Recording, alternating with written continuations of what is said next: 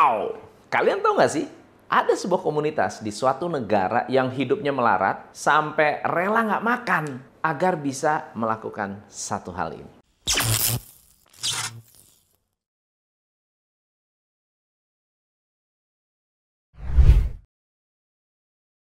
Teman-teman pernah mendengar kata lasap? Tulisannya lasape. Eh ini by the way bukan diambil dari bahasa Betawi, melainkan dari singkatan dari bahasa Perancis. The Society of Elegant People. Society dari orang-orang yang elegan. Komunitas fashion dari negara Afrika, tepatnya di wilayah Kongo. Ada beberapa pendapat tentang asal mula munculnya komunitas Lasap ini. Yang pertama, Lasap muncul tahun 1976. Hal ini dijelaskan oleh Hannah Rose uh, Steinkopf Frank dalam tesisnya berjudul Lasap Tracing the History and Future of Congo's Well-Dressed Men. Hannah menjelaskan pada tahun 1976 seorang remaja Kongo pindah ke kota Paris Kemudian membentuk perkumpulan imigran asal Kongo bernama Adventuris. Mereka meniru perkumpulan orang-orang Perancis. Yang ditiru adalah gaya berpakaiannya. Mereka meniru agar masyarakat Kongo mengira para imigran ini sukses di Perancis. Judulnya Flexing. Pendapat yang kedua, Komunitas ini disebut sudah ada di abad ke-20 di mana pada waktu itu masa penjajahan antara Belgia Prancis dan di komunitas Lasap ini harus bekerja sebagai budak untuk mendapatkan baju bekas. Yang dilakukan mereka pada masa itu adalah saat di luar jam kerja. Para pria Kongo ini merubah penampilan seperti pria Prancis yang tampil fashionable Seiring berjalannya waktu, ternyata kebiasaan ini menjadi sebuah budaya untuk masyarakat di wilayah Kongo. Namun, ironinya teman-teman, para pegiat lasap ini justru hidupnya miskin. Bahkan mereka rela untuk tidak makan. Anda tahu, kisaran pakaian mewah ini harganya bisa tiga kali lipat lebih besar dari jumlah penghasilan bulanan mereka. Ditambah pula gengsinya mereka itu tidak rela kalau harus membeli barang palsu, barang KW. Pokoknya mereka harus membeli pakaian asli berapapun mahal harganya. Tarik Zaidi, penulis buku Suppers, ladies and gentlemen of the Congo menjelaskan bahwa para sappers ini rela menabung bertahun-tahun mengumpulkan uang 2000 US dollar atau setara 28 juta hanya untuk membeli jas rancangan desainer ternama. Bahkan ada yang sampai pinjam uang 6000 US sampai 8000 US hanya untuk membeli pakaian bermerek.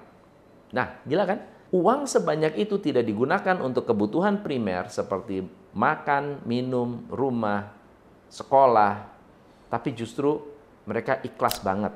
Tinggal di gubuk, ya ampun, ngeri banget.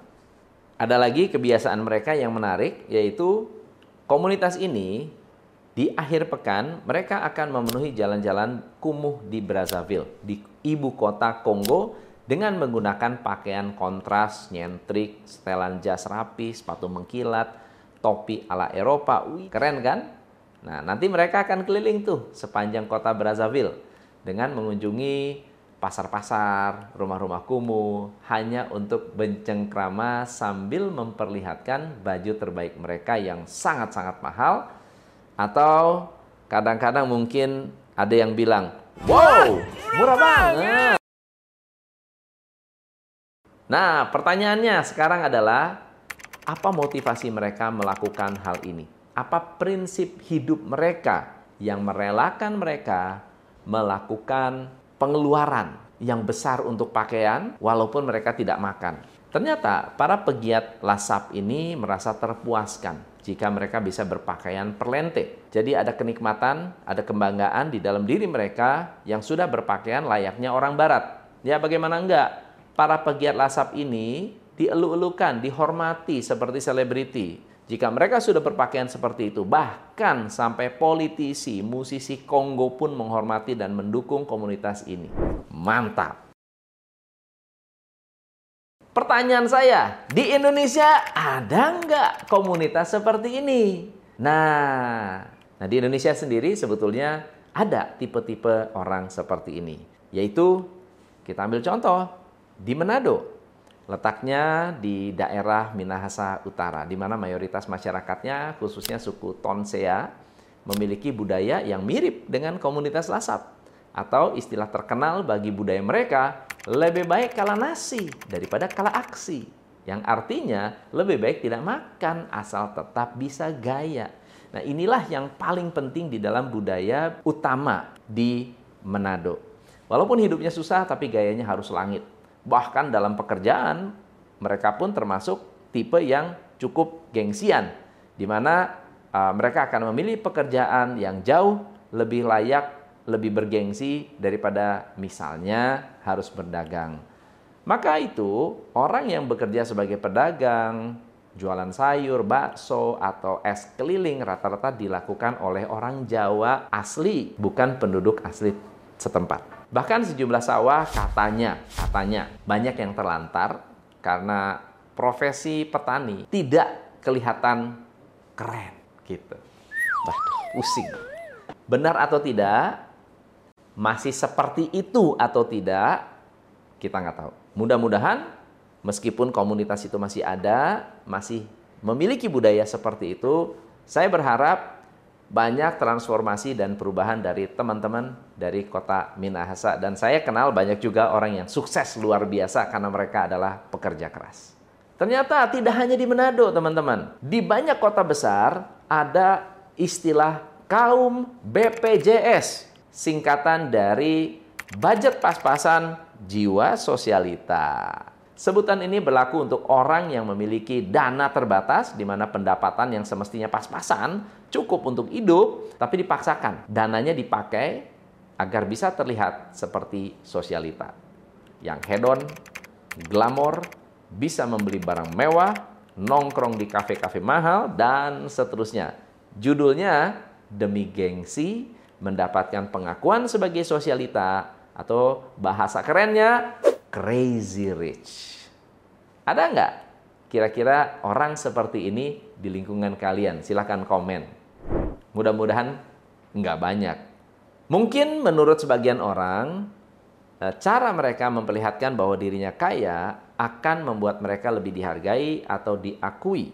Jika Anda disuruh pilih teman atau uang, pasti untuk Anda yang realistis, Anda akan pilih uang.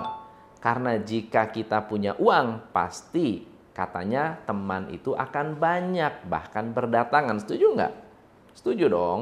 Cuma itu dia, masih banyak orang yang mengagung-agungkan kekayaan, tapi menurut saya salah kaprah. Jadi inilah yang menjadikan salah satu faktor di mana ada tipe-tipe orang seperti itu yang aslinya hidup melarat tapi ingin dikenal sebagai orang kaya. Mungkin beberapa waktu lalu Anda pernah melihat beberapa posting di media sosial yang cukup viral di mana seorang petani miskin di Cina mendadak ketiban rejeki dan lebih memilih untuk beli mobil BMW seharga 4 miliar. Dan yang menarik adalah rumahnya gubuk, reot, terbuat dari kayu, anyaman bambu.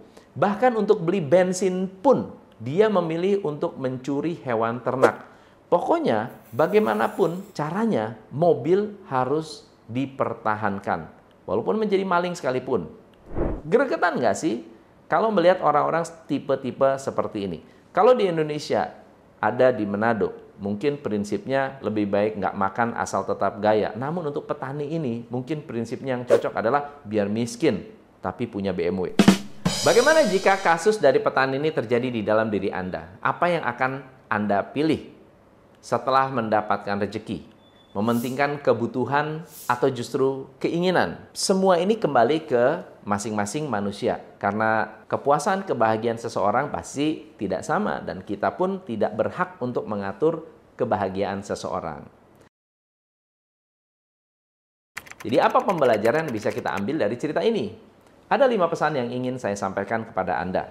Yang pertama, gaya hidup bisa jadi adalah ekspresi. Mungkin Lasap ingin menyampaikan bahwa kami bebas. Kami bukan budak lagi. Kalau orang bisa berpakaian keren dan mereka adalah majikan, maka saya pun kalau berpakaian keren, saya adalah majikan. Yang kedua, budaya ini tidak hanya ada di Kongo, tetapi merupakan cerminan budaya flexing. Flexing adalah teknik untuk memberikan sinyal kepada masyarakat untuk mendapatkan pengakuan tertentu. Yang ketiga, para anak muda yang bermental miskin mencari berbagai cara untuk tampil heboh, tampil hebat karena mereka merasa tidak hebat. Mental instan ini berbahaya, teman-teman, karena anda ingin mendapatkan segala sesuatu lebih cepat, berpura-pura kaya, padahal belum kaya. Fake it till you make it. Itu tidak berlaku untuk hal ini. Karena biar bagaimanapun juga, Anda akan bertemu dengan realita. Anda boleh membohongi banyak orang, tapi Anda nggak bisa membohongi diri Anda sendiri.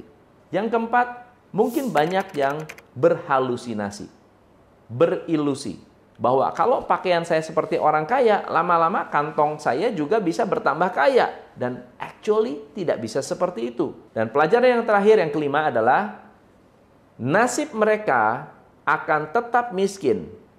Walaupun mereka bergaya perlente, berdandan yang mahal, pakai tas mahal, baju mahal, kacamata mahal, sepatu mahal, bisa kelihatan mahal, tapi tidak memiliki financial literacy, tidak memiliki kecerdasan untuk mengelola keuangan.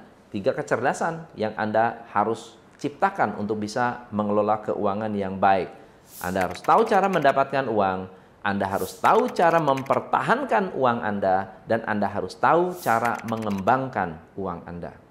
Semoga cerita ini bisa memberikan Anda inspirasi agar anda bisa menjadi orang yang jujur dengan diri sendiri dan kaya sungguhan. Lebih baik kita jadi orang yang pendiam. Diam-diam beli rumah, diam-diam beli mobil, diam-diam punya bisnis, diam-diam bangun startup, diam-diam dapat investor dan diam-diam Anda bisa pensiun dini. Saya Tom M. Seifle, salam pencerahan hanya di Top Coach Indonesia.